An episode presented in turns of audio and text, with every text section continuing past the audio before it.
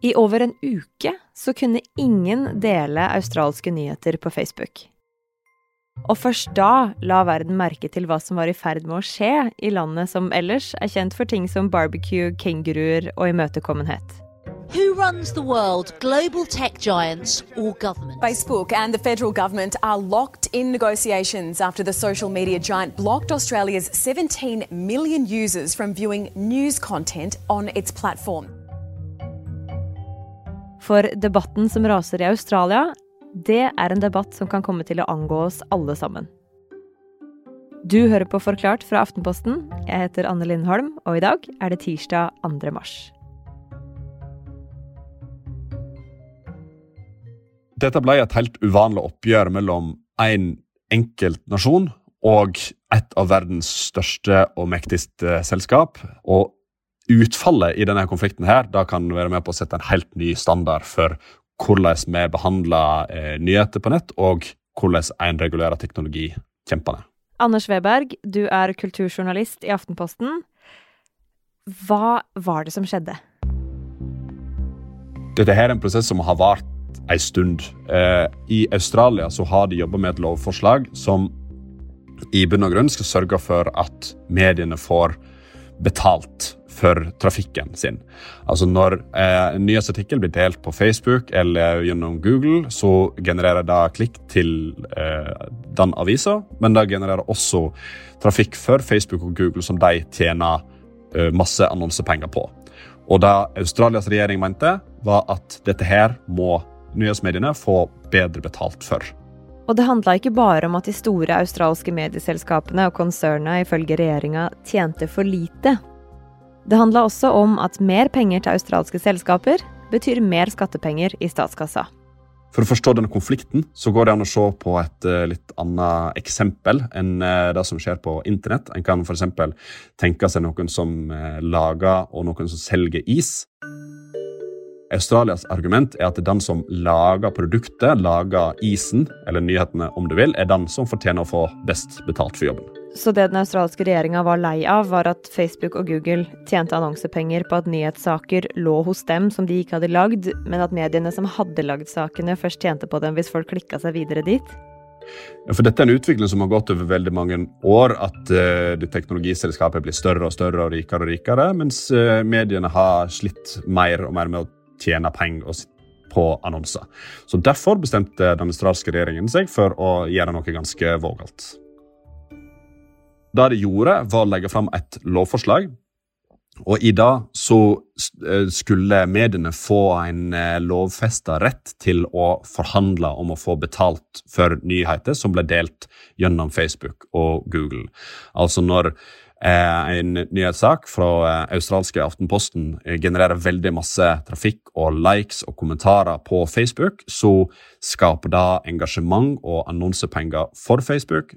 Da mener den australske regjeringen at australske Aftenposten skal kunne forhandle seg fram til å få en del av de pengene som blir generert. Sydney mum has had a terrifying encounter while putting her children to sleep, discovering a live snake in their bedroom. Men dette her, da likte Facebook veldig dårlig.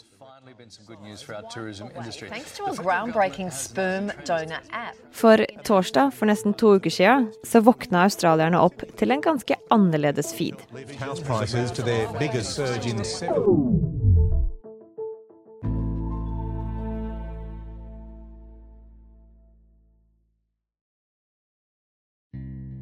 Anders, hva var det som skjedde da Facebook stengte tilgangen til australske nyheter? Sånn ganske over natta så betydde det at eh, australske medier ikke fikk muligheten til å dele artiklene sine på Facebook. Hvis de prøvde å gjøre det, så fikk de beskjed om at det var ikke mulig pga. nye australske regler. Det førte også til eh, sånn, eh, følgefeil. Eh, systemet funka ikke helt sånn som det skulle. og Det gjorde at eh, politiske departement, og nødetat og helsetjeneste også mista muligheten til å eh, dele sine ting. Meteorologisk institutt ble ramma, liksom selvmordshjelplinje ble ramma. Eh, og dette her skjedde omtrent samtidig som regjeringen skulle ha en stor informasjonskampanje om korona. Samtidig som alle disse mista muligheten til å dele sine saker, så fikk sider som deler falske nyheter og konspirasjonsteorier, fikk fortsette som før. Facebook sjøl sier at den australske regjeringa har misforstått hva Facebook er for nyhetsmedier. For de sier at de har jo aldri bedt om at nyhetsmediene skal bruke deres plattform til å dele saker. Som andre ord så har de ikke bedt om innholdet som den australske regjeringa nå vil at de skal betale for. Hvis du også iskremselgeren skremselgeren fra i stad, så er jo Facebook sitt argument at du får solgt mye mer is i en fin butikk og med en flink selger.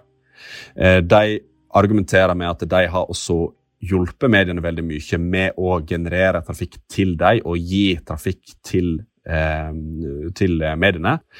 Samtidig så må det også sies at Facebook gjør en del for å støtte mediene. De samarbeider bl.a. med flere faktasjekkorganisasjoner, og de har nylig lansert et større prosjekt for å støtte medier med digital omstilling eh, retta mot områder med lite mediedekning i dag. Og Det gjelder også her i Norge. Så standoffen, den fortsatte. På den ene sida så sier regjeringa Facebook må betale for nyheter så lenge nyhetene sørger for trafikk som Facebook tjener penger på. På den andre sida sier Facebook fint, hvis vi må betale for nyheter, så kan vi godt la være å ha nyheter hos oss. Men til slutt så måtte jo noen gi seg. Well, Facebook has refriended Australia, and Australian news will be restored Facebook platform.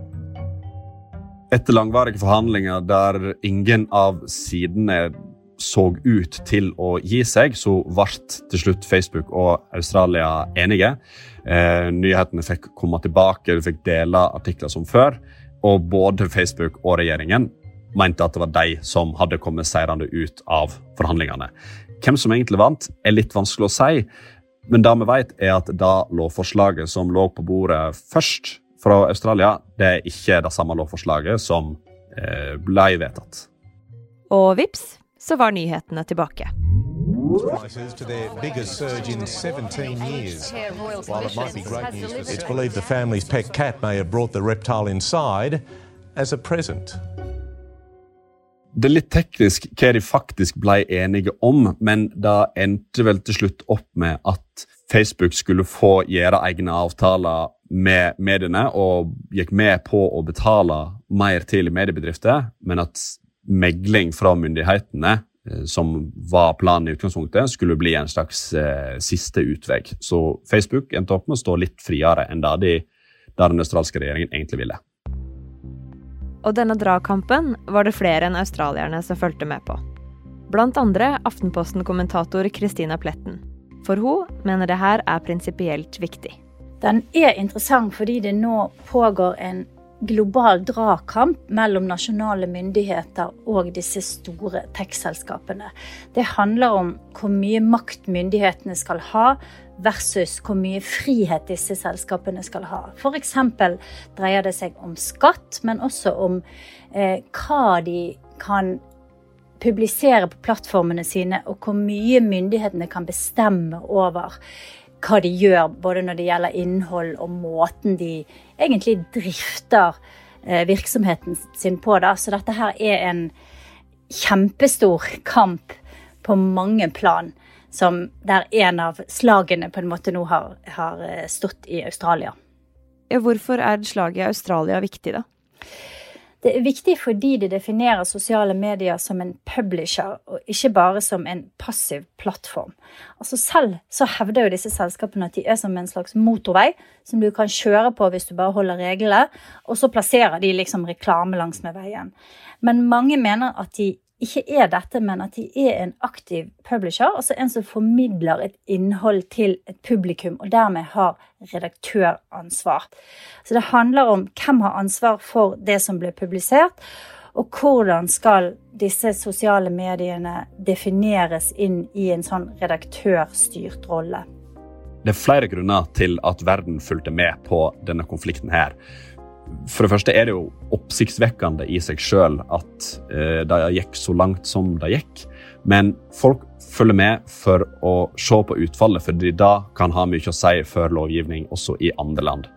Hvis et eh, relativt lite land i verdenssammenheng, eller i hvert fall i Facebook-sammenheng, hvis et relativt lite land som Australia klarer å stå imot, så kan andre gjøre det også. Da åpner døra for at USA kan være mye strengere, og at EU kan være mye strengere. Og da har de også planer om å være. Dette her kan med andre ord være starten på en mye strengere regulering av eh, de store teknologiselskapene, for de har fått eh, leve ganske fritt fram til nå. Hva kan en sånn strengere regulering bety i praksis? da? Det kan ha mye å si for konkurransen at det er andre selskap enn de aller aller største som får lov til å tjene virkelig store penger. Eh, det kan eh, gjøre til en mer rettferdig fordeling av midlene. sånn sett. Det kan ha mye å si for personvernet vårt og hvor invaderende reklame oppleves på internett. Vi har vel alle kjent på av og til å føle oss litt eh, overvåka på nett. Det er mange sånne ting som kan bli regulert når en ser at det er mulig å si nei til store, mektige selskap. Men i den saken her, da, Kristina, både du og jeg, vi jobber jo i et mediehus sjøl. Blir ikke vi litt inhabile hvis vi skal eh, diskutere prinsipper i den saken her? Altså, jeg vet ikke om jeg sier inhabile er det riktige begrepet. Altså, vi skriver jo masse om medier i mediene. Eh, men det er riktig at mediene har en fordel av at eh, vi kan dele stoffet vårt på sosiale medier. Vi kan nå ut til større publikum, flere mennesker som vi kanskje ikke kunne nå ut til før. Men mesteparten av vår trafikk i Aftenposten kommer jo allikevel fra folk som bruker appen vår eller går direkte til forsiden vår. Eh, og så har vi jo faktisk fortsatt en papiravis. Så det er ikke sånn at hvis Facebook og Twitter slutter å eksistere, så vil Aftenposten eller VG eller Dagbladet forsvinne. Men det er klart at eh, når det gjelder annonser og annonseinntekter, så er det litt annerledes. Her er vi i ganske direkte konkurranse, f.eks. med Google. Og eh, det som skjedde for noen år siden, var jo at Facebook og Google spiste opp en kjempestor del av det annonsemarkedet som mediene tradisjonelt hadde. Og det gjorde faktisk at mange medier kom i dyp krise for noen år siden og måtte kutte veldig skarpt i antall ansatte og utgifter. Så det har helt klart hatt en stor betydning for hvordan vi driver business. Har det konsekvenser for noen andre enn oss i mediene, da?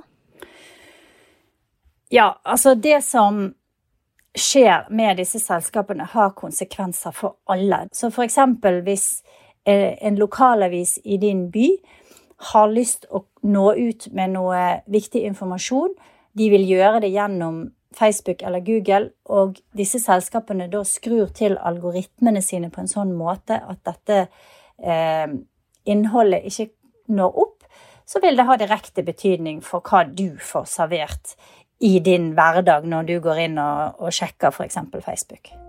Men Kristina, jeg skjønner ikke helt åssen det lovforslaget her skulle hjelpe til med å endre på det. For hvis det er sånn at Facebook må betale mer for nyheter, jo mer engasjement det blir. Da har jo de veldig god grunn til å skru til algoritmene sånn at nyhetsinnhold deles mindre. Altså dukker opp sjeldnere i feeden. Altså, nå er det vel sånn at en av de tingene som er viktig utover det som er viktig for bare Australia, da, er jo at dette her vil sette en slags presedens for resten av verden. Sånn at hvis, hvis, de gjør en avtale i ett land, så vil det komme press fra EU, fra USA, fra andre deler av verden som gjør at eh, det er mye større enn bare det lille som skjer i Australia. Men det er jo et vanskelig problemkompleks å skjønne dette her, fordi at det er så uklart og ullent. ikke sant? Myndighetene sitter egentlig nå og prøver å gripe fatt i en slags tåke eh, med å kaste ut noen lovforslag, prøve å hanke inn skatt fra disse selskapene, og de sklir unna hele tiden fordi de er så store. Og fordi det er ingen som egentlig helt vet f.eks. hvordan disse algoritmene opererer. Så de er så langt foran i sporet i forhold til det eh, eh, myndighetene i forskjellige land klarer å formulere av lover. At det kommer, virker det som, aldri noe sånn helt konkret ut av det der. Sannsynligvis så vil eh, både Facebook og Google kunne bruke sine veldig store eh, økonomiske muskler til å, å klare å vri seg unna dette også. Men hvorfor prøver de, det? Hvorfor lager Australia lover som det her, og hvorfor prøver EU på, på noe av det samme? Det er jo fordi at man ser at disse selskapene får så stor innflytelse og makt at man må gjøre noe selv om man kommer egentlig altfor seint på banen. Så må man prøve, og det er det de gjør både i Australia og EU. Men jeg tror at det har gått for lang tid. De lot de vokse for store, og nå er egentlig, tror jeg, løpet kjørt. Men de er nødt til å prøve.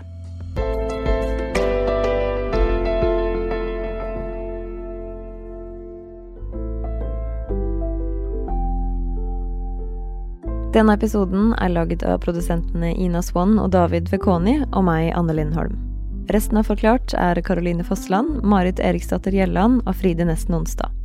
Du hørte lyd fra Nine News, Seven News, CNN, ABC, The Guardian og nyhetsbyrået AP.